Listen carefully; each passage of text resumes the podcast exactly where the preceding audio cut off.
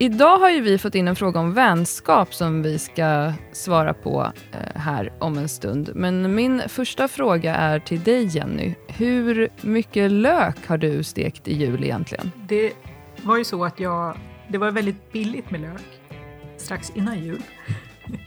Så då råkade jag köpa tre kilo lök. Eh, och, eh, så jag har stekt ungefär två kilo av dem. Och då så slutade det med att jag bara hade lite mindre än ett kilo lök hemma. Så nu har jag köpt ett kilo till.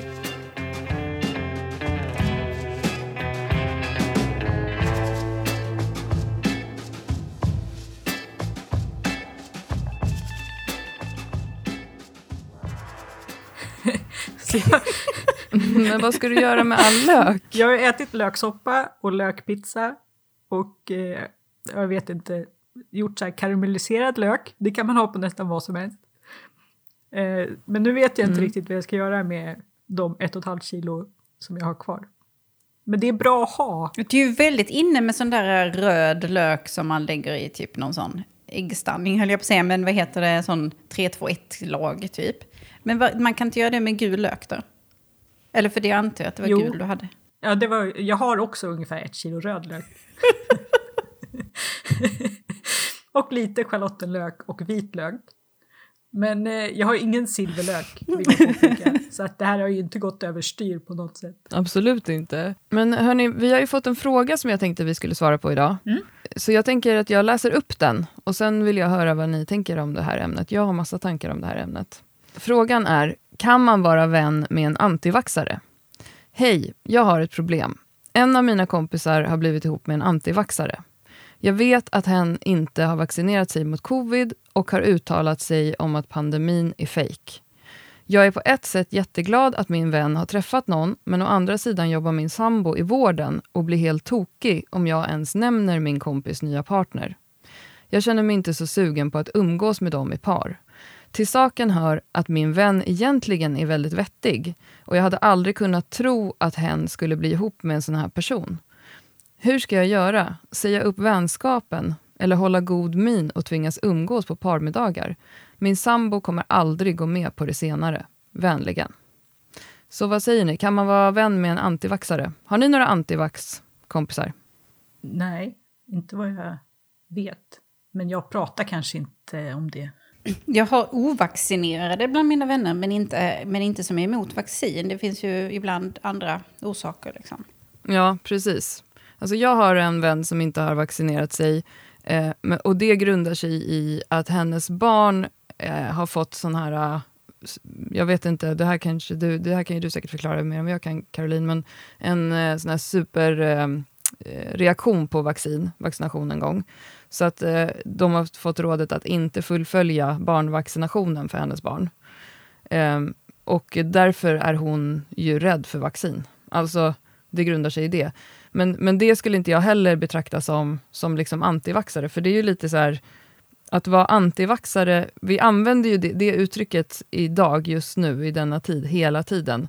Och eh, jag tror att de flesta som inte har vaccinerat sig är ju inte uttalat antivaxare. Men det låter ju som att den här personen är det. Ja, eh, jag tänker att väldigt många är rädda, det handlar om det. Men eh, ja, den här individen som låter bli vaccinera sig för att ens barn fick en reaktion, den har ju sannolikt själv fått vaccinationsprogrammet utan att reagera, så det finns ju ingen anledning att tro att hon ska reagera.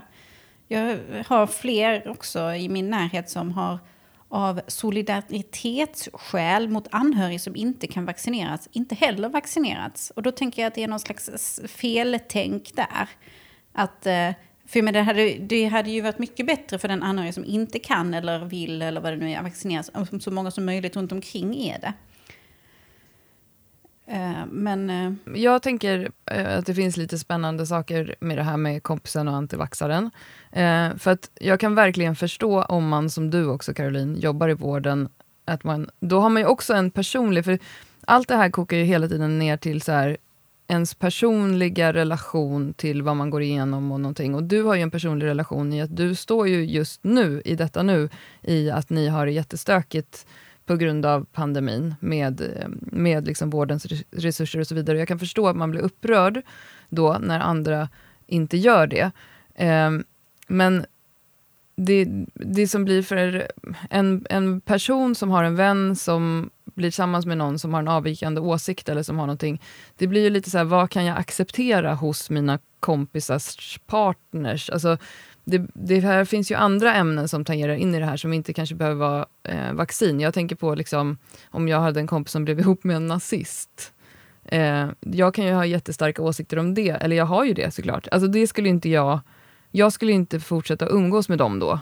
Alltså kan man likställa det här med en nazist? Ja, det tänker jag inte uttala mig om just nu. Men däremot så tänkte jag på att eh, människor som är emot vaccin har ju liksom funnits innan covid. Eh, och, och de var ju kanske mindre synliga då, men de var ju ändå synliga och fanns ju människor som, och, och finns fortfarande, som är väldigt inne på pseudovetenskap och kanske vaccinmotstånd och sånt. Eh, och det var väl kanske en fråga för, inte lika utbredd fråga, men det är väl delvis en fråga som var aktuell då också. Att eh, hur mycket sådana här konspirationsteorier man står ut med i... Eh, ja, men det är ju verkligen det. Men det är ju också... Men nu utgår ju vi lite grann från att man eh, har det här tankesättet som vi har. Att man ser inte konspirationsteori. Jag tycker inte att man kan likställa det med alltså, nazism på något sätt. Alltså, eller vilket, vilket håll menar du då? Att man tvingar folk att vaccineras eller att... Nej, jag menar bara just så här... Ja, men alltså, jag kan tänka mig att en person som jobbar i vården kan vara så här... Eh, en person som är antivaxare är liksom, vill typ att, vi, att folk ska dö. Alltså, jag förstår att man kan få väldigt mycket hatiska känslor när man känner så här, ja, här går jag och jobbar liksom, och, försöker, och, och jobbar över, och jag får ingen semester, jag sliter som fan, och du bara liksom pissar på det och säger att det här, att det här inte existerar. Det, det blir ju nästan som så här för inte, alltså jag vill, nej, det var dumt att dra hela nazistgrejen, men jag tänker vilka, vilka åsikter kan man inte acceptera att någon har som, som man umgås med? Precis. Ja, för det blir ju snarast vi som är de som inte vill att alla ska ha lika värde. Eh, alltså, vi, eller jag, eller jag kan, väl, jag kan väl känna så. Att jag tycker att det är fel att inte vaccineras. Och att jag kan känna en frustration och att man... Nej, jag önskar naturligtvis inte att någon ska bli sjuk. Men att man kanske tycker att de är... Det är inte mina ord, men man skulle kunna tycka att de är mindre värda. Det är ju då jag som är nazisten, eller hur? Eller hur? Och inte de som inte vill ta vaccin. Jag tycker vi kom hit väldigt fort. För de som inte tar vaccin, eh, det handlar ju inte om att de tycker att någon, någon är mindre värd. Utan det handlar ju om eh, en inställning eller liksom en livsåskådning snarare kring ja, men, ja, överhet. Ja. Eh. Mm. Ja, men jag, tror, är det, jag tänker lite det som Jenny sa, att det handlar ju också kanske inte om att man har hat mot personer som har de här åsikterna, men att så här, vad vill man hamna i för samtalsdiskussioner kring middagsbordet? Att det kan, ju, det kan ju verkligen vara så att en person som man verkligen tycker om blir ihop med någon som man verkligen inte tycker om. Och det är ju alltid svårt att parera det som vän. Alltså hur ska jag göra? Jag umgås mycket med min vän. Ska jag bjuda in den här personen också? För att i vissa sammanhang så ses det ju helt naturligt att eh, självklart är alla välkomna eh, i familjen. Liksom. Och då blir det ju jäkligt svårt. Och det kan ju vara andra ämnen också, behöver inte vara just antivax. Men som du säger Jenny också, så tänker jag att, eller min liksom, fördom är ju att de här personerna som är, som är antivaxare, som den här personen låter som att den är, då finns det också en massa andra grejer runt omkring som också känns så här, och det här stämmer verkligen inte överens med min världssyn heller.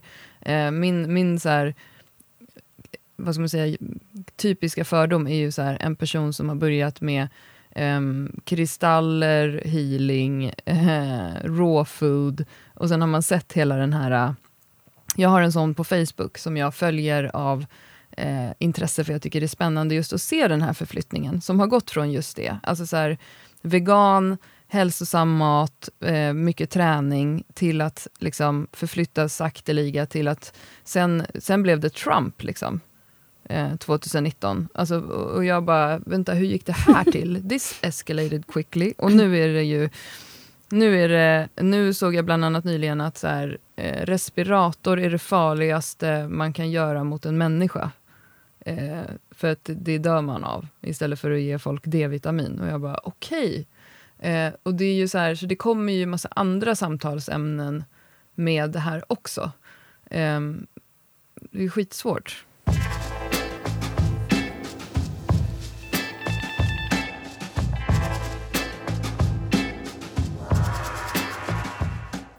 Det har ju länge varit en eh, liksom regel att man eh, inte ska prata om politik och religion på middagsbjudningar eller så här i sociala sammanhang.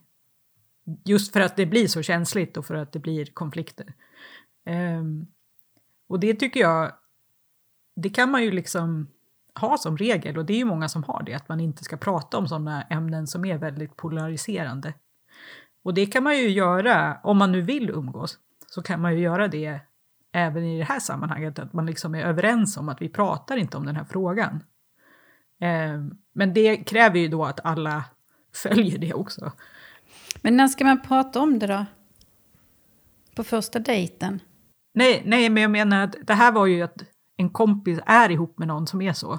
Och då om man ska umgås på parmiddag så kanske man kan välja att inte prata om det på den middagen. Jag tycker ju givetvis att man ska prata om det i sin relation.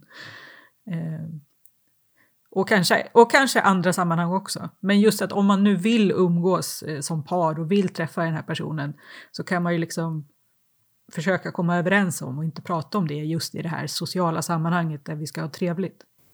Mm. Men, det, men um, alltså, är det okej okay att också säga så här, men jag vill inte lära känna din partner för att vi kom, jag har svårt för den personens inställning till typ livet. Men jag tycker att det måste ju vara okej att, att man måste ju inte umgås med alla människor. Och man måste ju få bestämma själv vem man... Eller det måste man ju inte direkt för att man får ju kanske kollegor och släktingar och lite alla möjliga. Men man har ju ändå ganska stort möjlighet att bestämma vilka man umgås med på sin fritid. Och då tycker mm. jag att man får säga till sin kompis att du får ha vilken relation du vill, men eh, det här tar energi från mig och jag, det liksom är inte bra för mig. Och jag orkar inte lägga den tiden på att umgås med din partner. Så att om vi, vi kan ha, fortsätta ha vår kompisrelation, men eh, vi kan tyvärr inte ha parmiddagar eller så. Ja, alltså det låter så enkelt när du säger det Ja, sådär. jag vet, men... men jag fattar äh, att det är svårt också. Att, men det känns ja, men det som att den här personen också. borde prata med sin kompis egentligen och bara förklara det här. Att så här, det här känns lite knepigt för mig. Då kanske man också kan få lite mm, mer eh, liksom inblick i ja, men den här personen pratar inte om det här. Eller, ja, för det är också skillnad på personer som hela tiden vill prata om sina ämnen och sina frågor. De orkar man inte med oavsett om det är liksom LCHF eller inte vet jag, tåskor eller någonting.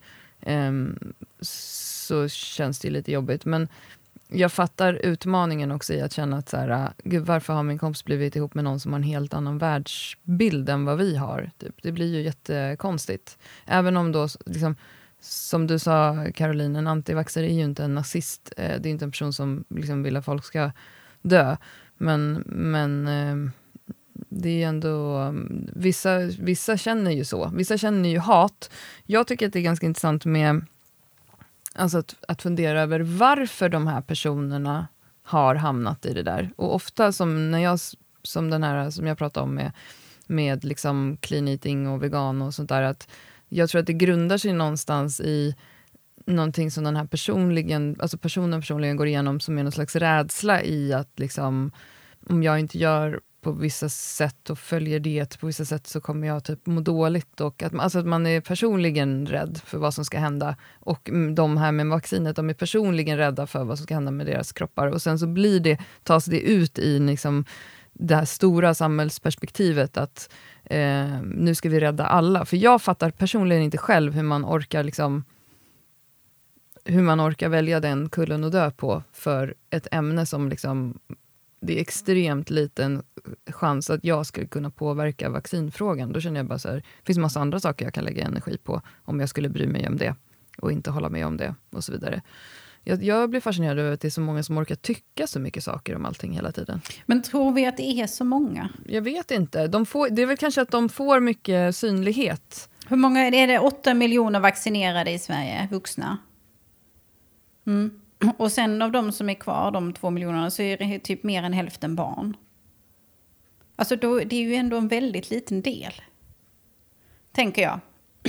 Som får ett extremt mycket... Ja, det är ju mindre än 10 procent. Det är ju på något sätt... Ehm, det är ju kanske lite problematiskt. Jag tycker att media har varit ganska problematiska eh, i det här generellt för att de just ger mycket plats åt de här sakerna. Och de, eh, till exempel Aftonbladet har ju, haft, har ju fått kritik också från eh, liksom även så här mediegranskare och liknande kring att de har haft så alarmistiska rubriker som har gett eh, vad säger man, vatten på, på kvarnen till de här äh, antivaxarna. Att de ger dem massa eh, uppmärksamhet. Men ja, det, det är lätt att känna att, eh, att de är många på något sätt. Det känns som att de ser så många ut. Alltså, jag har sett dem eh, gått förbi en gång när de har demonstrerat där på Medborgarplatsen i Stockholm.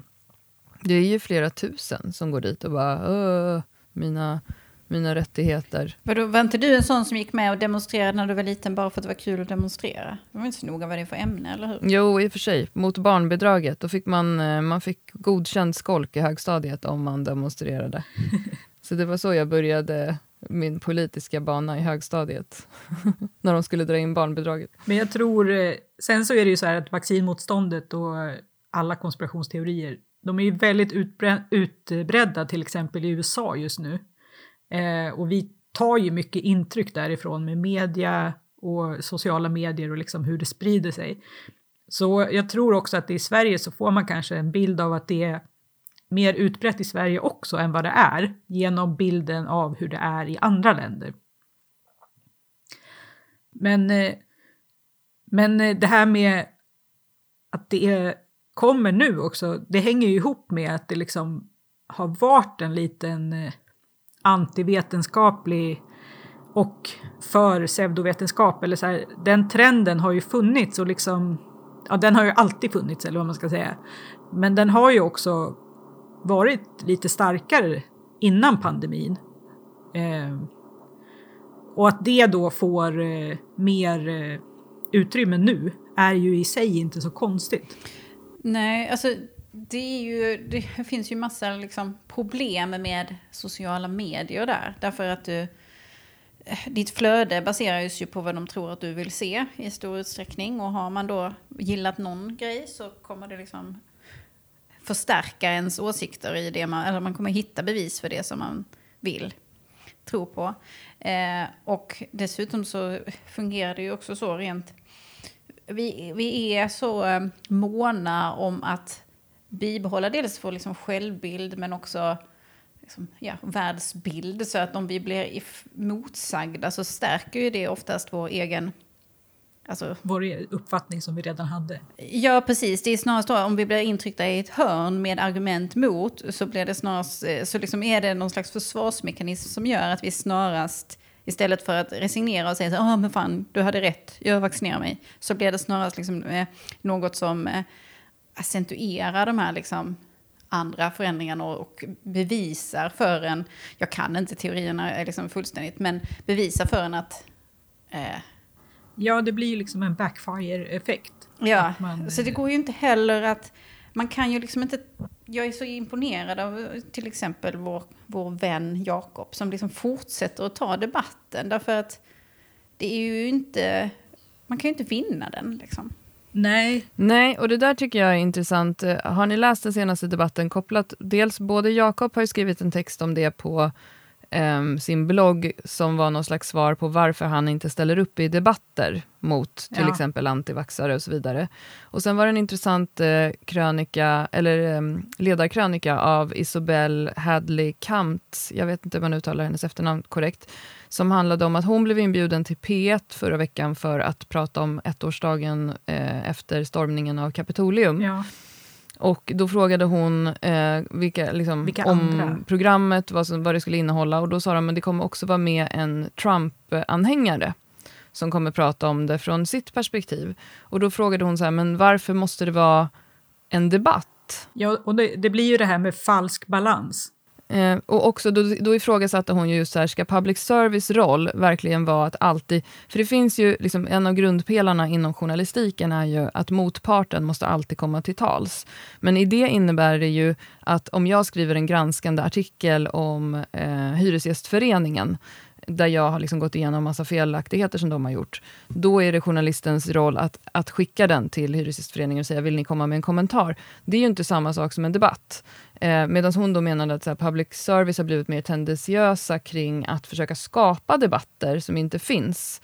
Eh, det behöver inte alltid vara en debatt och det är det som är det är det som också är, tycker jag, så 2022. Jag vill liksom läsa långa texter och böcker eh, istället för att ta del av alla de här debatterna. För precis som ni båda säger så kommer de inte komma någonstans. Liksom. Så att journalistikens roll har också skapat, eller någon typ av förflyttning där. Ja, och just det här att eh, det är liksom ingen debatt om, eh, om vaccin eller, eller omstormningen av Kapitolium. Det är liksom, det behöver inte ens vara en debatt. Man kan berätta hur det har Nej. hänt. Men, men liksom, det är inte en egentlig debatt. Och Gudiol har ju avstått från eh, mediasammanhang sedan långt tidigare när det gäller till exempel kost. För att motparterna kan ju stå och säga vad som helst och behöver inte backa upp sina påståenden utan de kan bara stå där och hitta på. Och då även, ja, som hans citat på hans blogg säger att liksom, det krävs tio gånger så mycket fakta för att motbevisa någons bullshit. Liksom. Ja, ja och, det, och, och, just det här med, som ofta blir i den här typen av debatter, med den här typen av falska dikotomier, där det är så här, ja men eh, eh, filter på nätet för barn fungerar inte enligt forskningen för det här, för det här, för det här. Så, kommer, så, så, så är det alltid någon som skriver, jaha, så du är för våldtäkt av barn? Ja. eh, och sen är det liksom igång. Eh, det, det, det, blir ju aldrig någonting av det. Och precis som många debatter, för, för många år sedan så jobbade jag med eh, medie och presskommunikation för kampsport, för MMA. Och där var det också så tydligt att för och emotsidan diskuterade två olika frågor. Där emotsidan diskuterade våld, eh, skador, den typen av saker. Medan försidan diskuterade det ur ett liberalt perspektiv. Att vem eh, har rätt att bestämma vem som får utöva? Om jag vill utöva, om jag vill gå in i en bur och få, och få smäll på käften så ska jag få bestämma det själv. Och I och med att man diskuterar två olika frågor så kommer man ju heller aldrig att mötas. Alltså har ni någon gång jag, jag umgicks en del eh, i gymnasiet med en kille som jag tyckte var så rolig, för att han han hade ofta väldigt starka åsikter om saker. Bland annat var han arg på mig i flera år för att jag hade lånat telefonen hemma hos hans mamma en gång utan att fråga om lov, berättade han efter typ fem år. Men han, han var sån här som kunde stå och diskutera med någon, en fråga, och var liksom ben tvärsäker. Och sen kunde han helt plötsligt säga så här, nej men vad fan, du har fan rätt, jag ändrar mig, ja. jag har fel. Men det tycker jag, det är ju väldigt coolt, för att det är ju ett problem i eh, ja, i samhället och för så som vi människor fungerar. Att vi är ju väldigt ovilliga att erkänna när vi har fel. Och det är ganska få som är okej okay med att bara ändra sig. Om de blir, eh, ja i en diskussion till exempel, eh, om de blir motbevisade så är det väldigt få som eh, bara, jaha, nej just det, ja men då byter jag åsikt. Och det gäller ju speciellt ämnen där man är sån här känslomässigt övertygad. Och det är ju ganska många i till exempel vaccinfrågor. Men alla människor har ju eh, liksom, faktafrågor där de är känslomässigt övertygade och där det är svårt att få dem att byta, byta åsikt. Det är bara att det är olika vilka frågor man känner så. så. Men de som är det i vaccinfrågan, de kommer ju vara i princip omöjliga att vinna över med fakta. Och då är det också så här att, nu bara för att knyta tillbaks till det här då med liksom i ens personliga sfär, med om en vän är tillsammans med någon som, som har så starka åsikter, att det kanske inte, alltså en debatt eller en diskussion om det kommer antagligen inte leda någon vart, mer än till att eh, båda parterna är, stärker sig själva i sin tro och man, liksom kommer, man möts aldrig. Eh, och då blir det kanske bara konflikt av det hela. Och det är ju kanske inte det bästa för en trevlig parmiddag. Nej, precis. Det finns något så här känt citat av Moder Teresa som jag nu inte kan citera korrekt. som är något sånt här, istället för att ägna all din tid åt att eh, liksom eh, utplåna din motst eller, motståndare kan du ägna den tiden åt att älska dem. Eh. Men det, är väldigt, det kan också vara väldigt svårt att ge någon kärlek när man sitter i en, en sån där debatt. Eh, och just ja, för precis. vännens skull, vännen som är ihop med den här personen, det är ju den som mår antagligen sämst i det här, tänker jag. Ja, för en av sakerna som jag har skrivit ner är att eh, ja, men om man liksom känner att man kan vara sen i en sån här debatt och bara acceptera att man kommer aldrig kunna övertyga motparten, eh, utan bara, ja men om man, det finns ju människor som typ gillar att bara diskutera, eh, även om de aldrig kommer någon vart. Då kan man väl göra det, om, så länge ingen annan mår dåligt av det. Men jag tror ju att det ändå finns ganska få som är okej okay med det. Ja, men jag tyckte det var bra det där du sa Jenny med att, så här, att säga också att så här, jag vill inte hamna i diskussion. Om vi ska ses så vill jag prata om annat för typ jag mår inte bra av den typen av diskussioner. Det är ju också ett skönt sätt att inte lägga över det på någon annan. Liksom.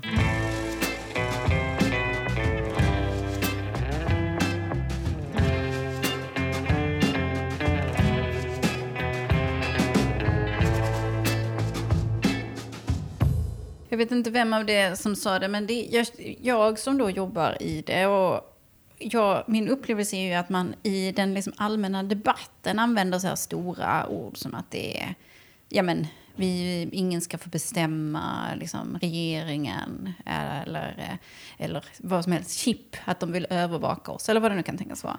Men när de väl kommer till akutmottagningen och är sjuka så är de naturligtvis sjuka och rädda av den anledningen. Men när de, man frågar dem om de är vaccinerade, då är det ju ingen som säger nej, för jag tror att regeringen övervakar oss eller något chip. Och det tror jag faktiskt man hade sagt om man trodde det. Utan man, man säger att nej, jag tyckte att det gick för snabbt, jag blev rädd. Eller, alltså, men men det säger man inte i den stora debatten, utan då är det liksom andra, eh, mer skeva argument.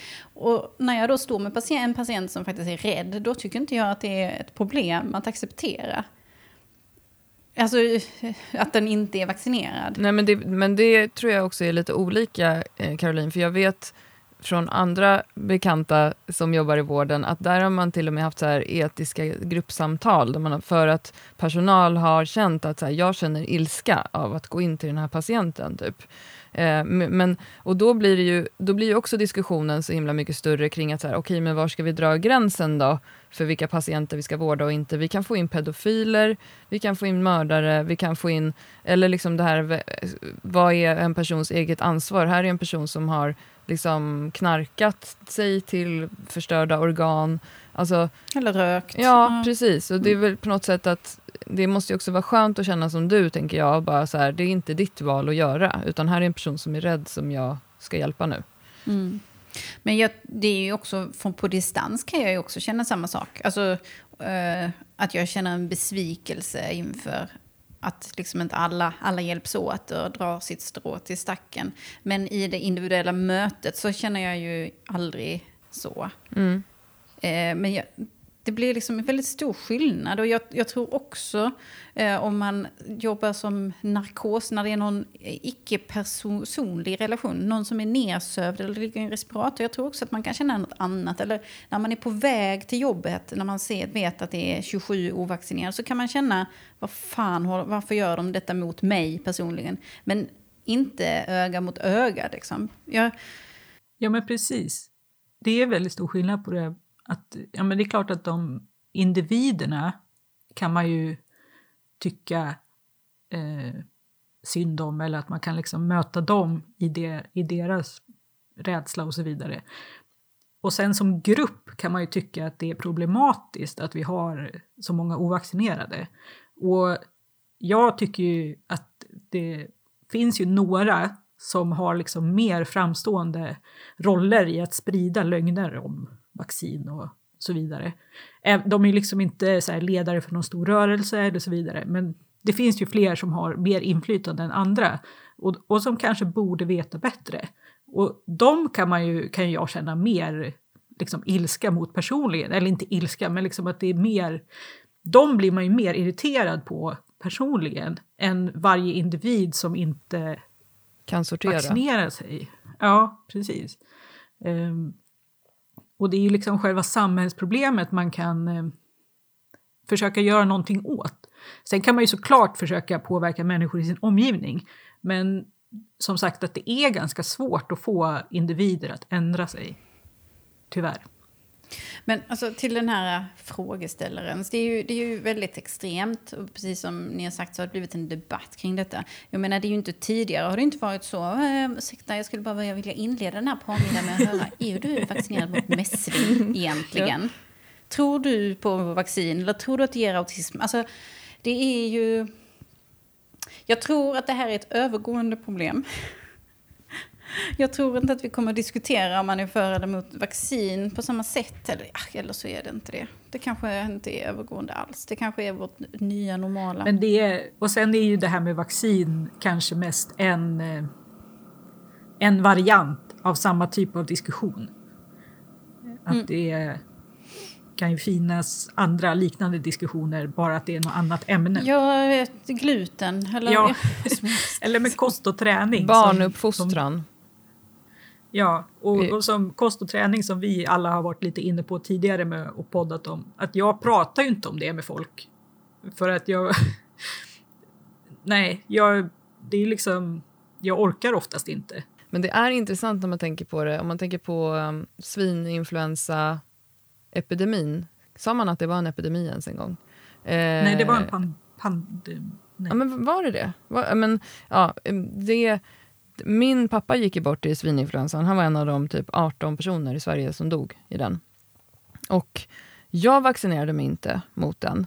Eh, och på den tiden, när var det här? 2009? Då hade jag inte kunskapen kunskapen. Jag, jag, det här var inte ens någonting som jag tänkte på. Jag tänkte så här, jag vaccinerade mig aldrig mot säsongsinfluensan till exempel.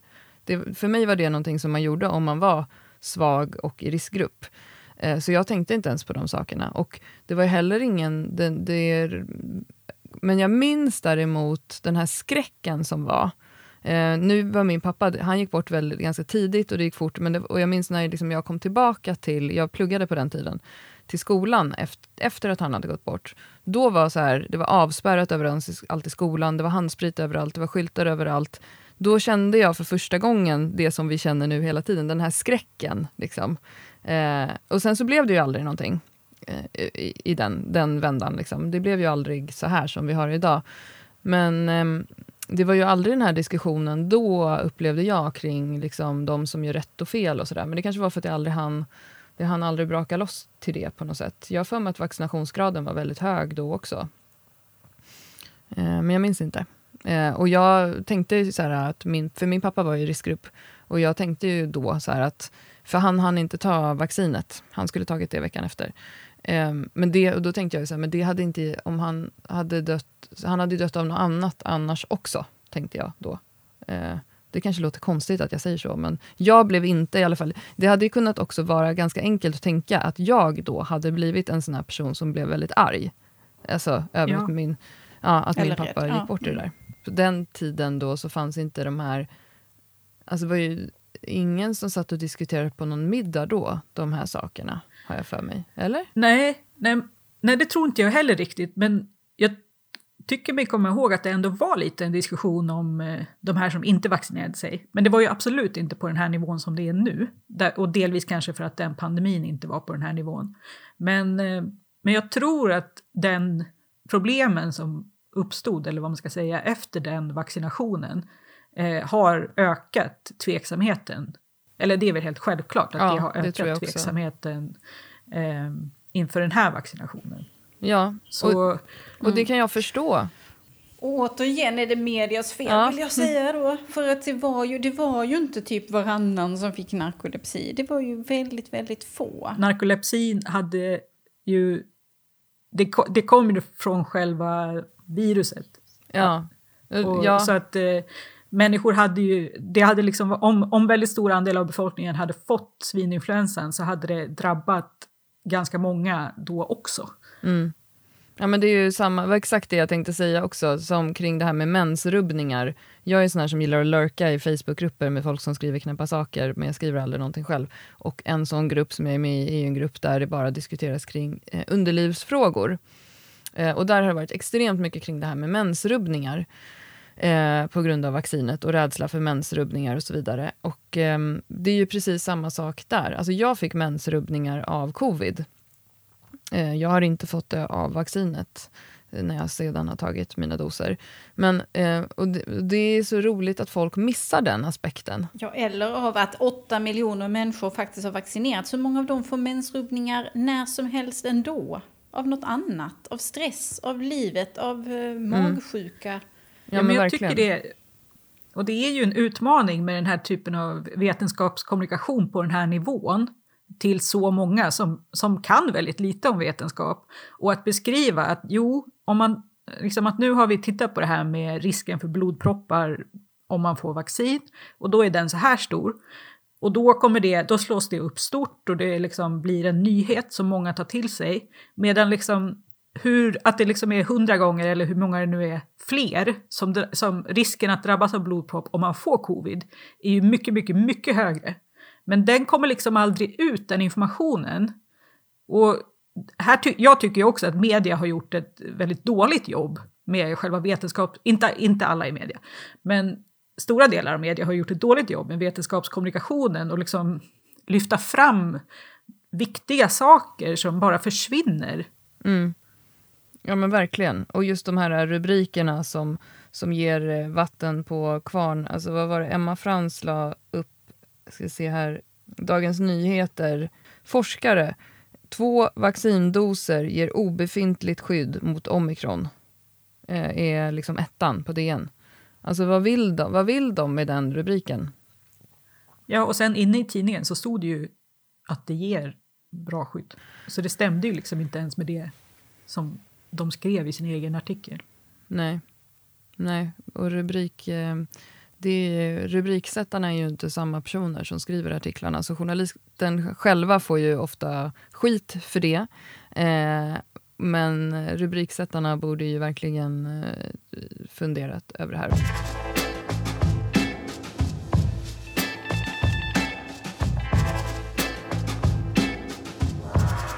Vad är, vår, vad är vår slutsats av det här egentligen? Med att umgås. Ja, ingen slutsats skulle jag vilja säga. Jag tycker att det är extremt svårt. Det är extremt svårt. Det, det kan ju hända någon av oss också det här. Um, alltså alla kan, har ju risken att deras polare blir ihop med en idiot. Ja, ja men som, jag var på min mammas 70-årsfest i höstas och då var det en bekant där som jag liksom känner sedan jättemånga år tillbaka som jag vet är emot vaccination. Och jag pratade ju med henne och sådär. Men när hon började komma in på det här ämnet så gick jag bara därifrån. Eh, för att det var ju ett socialt sammanhang där det liksom, ja men det skulle ju vara trevligt och lättsamt. Och jag vet att jag, jag skulle blivit arg och irriterad och även om jag inte skulle gått in i diskussionen utan bara stått och lyssnat så skulle det påverkat så att jag inte hade trevligt alls. Så då valde jag att bara gå därifrån. Och nu om man har en mindre sammankomst så är det kanske inte en möjlighet. Men jag tycker generellt att man behöver inte umgås med människor som får en att må dåligt. Nej. Och då får man ju kanske prata med den här kompisen om hur de formerna av umgänge, om man nu vill umgås med, i par eller hur det nu blir, hur gör man så att det funkar? Ja, vi pratar inte om det här. Och om då någon person inte respekterar det, då kanske man inte kan umgås. Och sen vet jag att det här inte alltid är så lätt i praktiken. Nej, det är ju inte det. Men frågan är ju om man också skulle kunna tänka sig att ha, kunna ha trevligt. Alltså om man kan bortse från, om man tar den där äh, personen som du träffade Jenny och sen så stöter ni på varandra vid, vid äh, tårtbordet lite senare och så börjar ni prata om någonting som du tycker är ett trevligt ämne egentligen, typ lök eller plantor. Skulle du då kunna släppa att du egentligen känner så här, den här personen är också lite kokobäng? Eller, förstår du vad jag menar? Ja, absolut. Och nu, som sagt, det här var ju någon som jag har känt eh, nästan hela livet, eller hela livet. Och då kanske det är lättare för mig att ändå tänka, liksom, att jag har ju en uppfattning om personen. Eh, så det kanske är lättare att liksom bortse från den här delen som jag inte tycker är så vettig. Eh, och när man träffar någon ny kanske det, det, här tar upp en större del av ens uppfattning om personen. Eh, så jag, vet, jag, jag hade nog haft svårt att tänka bort det med någon som jag träffade som... Ja, det här var en av de få sakerna jag visste om den personen. Så hade jag nog haft svårare att umgås med den. Alltså jag tror också att det handlar om den personens liksom, eh, lust att strida för ja, sin precis. sak. Alltså om det är att jag har fått veta det via min kompis då. Att den inte är vaccinerad och att den är emot det. Eller om det är någonting som den har tagit upp med mig personligen. Så att jag har liksom... Jag tror att det skulle göra skillnad för mig. Därför att det finns ju människor... Alltså det är människor som... Jag möter ju människor hela, hela, hela tiden. Väldigt många olika människor som man hela tiden ska försöka navigera och möta på deras nivå. Eller, alltså, för att det ska bli så bra som möjligt. Och vissa människor funkar det inte alls med. Alltså att man på något vis man hittar, man kan inte eh, tuna in på rätt eh, Nej, frekvens. Och det spelar liksom ingen roll om den frågar efter ett munskydd eller om den frågar om den får ta av munskyddet så är det någonting i mig som gör mig jätteprovocerad. Eller om den bara undrar om den får ta av eh, syrgasmättnaden eller så. Medan en annan person som kommit in och sagt att den inte vaccinerats för den inte tror på det, men som har en ton och en, liksom, ett sätt som ändå gör att okej, vi tycker olika, men vi tycker att det här var en jätterolig grej. Alltså, alltså att man kan hitta en helt, helt annan sak, liksom att man gemensamt kan skratta åt att något som blev plumpt eller sådär. Mm. Alltså, så jag tror att det handlar väldigt mycket mer om person för mig än en sakfråga. En åsikt. Ja, ja men det, så tror jag också att det är. Det är ju liksom som att säga att jag tycker inte om eh, kristna. Men det gör jag ju. Men jag kanske inte tycker om någon som måste köra upp sin åsikt kring Jesus eh, varje gång jag träffar den. Alltså... Mm. Så det är skillnad på antivaxare och antivaxare kan vi konstatera också? Ja, det håller jag med om. Ja, ja och så här, problematiska människor kommer ju alltid att finnas och i vissa sammanhang så eh, kan man acceptera dem mer. Jag tänker också på, så här, som du var inne på Jenny, gammal familj och ja, men man har någon så här gammal släkting som alltid har varit knäpp. Liksom. Men det är ju en del av familjen eh, där man växte upp. Och eh, morfars gamla kusin som liksom är lite koko och sådär.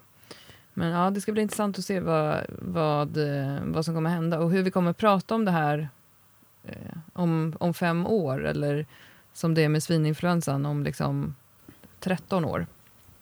Förhoppningsvis inte. Ja, det blir väl en av våra... Alltså, nu kollar man influensa A, influensa B, RS-virus och så kommer vi väl också kolla liksom efter någon virusdamm som då kommer heta influensa C eller vad vi nu kan tänka oss, corona. Eh, och att det liksom bara är en, en del av det, säsongsinsjuknandet. Mm. Ja, det är väl så de pratar om att det kommer plana ut. Plandemin. Ja, förhoppningsvis. Ja, just det. Exakt. Det är ju bara en pandemi egentligen.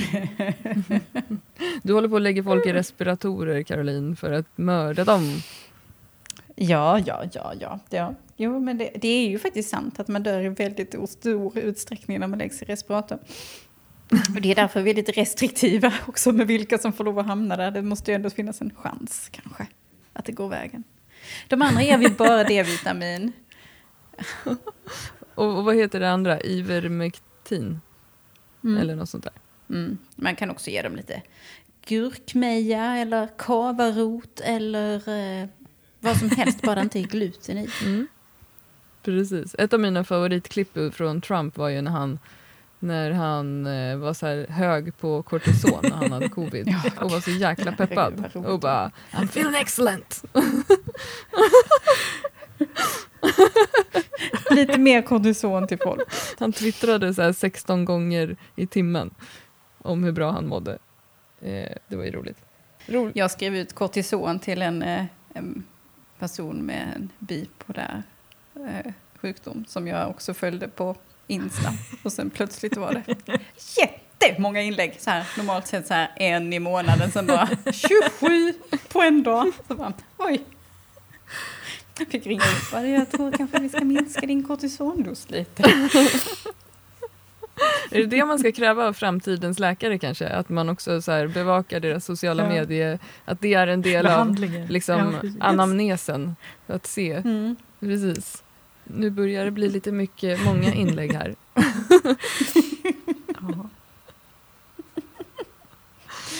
Ja. Ja, ja, men jag skulle gärna ha en sån bevakare.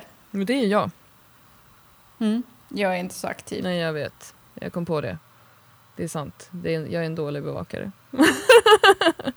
Ja, men du, om jag skulle bli väldigt aktiv plötsligt en dag Ja. så skulle du nog höra av dig. Men då skulle jag tänka att du kanske hade fått ragg. Ska ringa och fråga? Ursäkta mig. Ja, jag, jag älskar för övrigt din senaste inlägg med bröstpressen, Jenny. Så otroligt bra. Ja. Jag- jag är ju väldigt, väldigt bra på att filma mig själv på gymmet. Eh, om jag får säga det själv. Och det, jag tror ingen annan kommer säga att jag är Nej, men det är mycket svårare än man tror att filma. Det är jättesvårt. Och tänk, jag tänker också ur liksom ett feministiskt perspektiv. Hur många mäns guppande skrev har man inte sett i olika vinklar? Och tänkt så här, vad är syftet med det här? eh, jag tycker det är bra att du tar tillbaka det. Liksom. Ja, men jag har faktiskt fått flera eh, såna här DM på Insta att folk tackar mig för att jag sänker nivån på, på selfies på gymmet. Ja, men man blir ju så himla så jag glad. tar mitt uppdrag på allvar. Det är ju ingen prestationsångest någonstans. Man blir bara glad.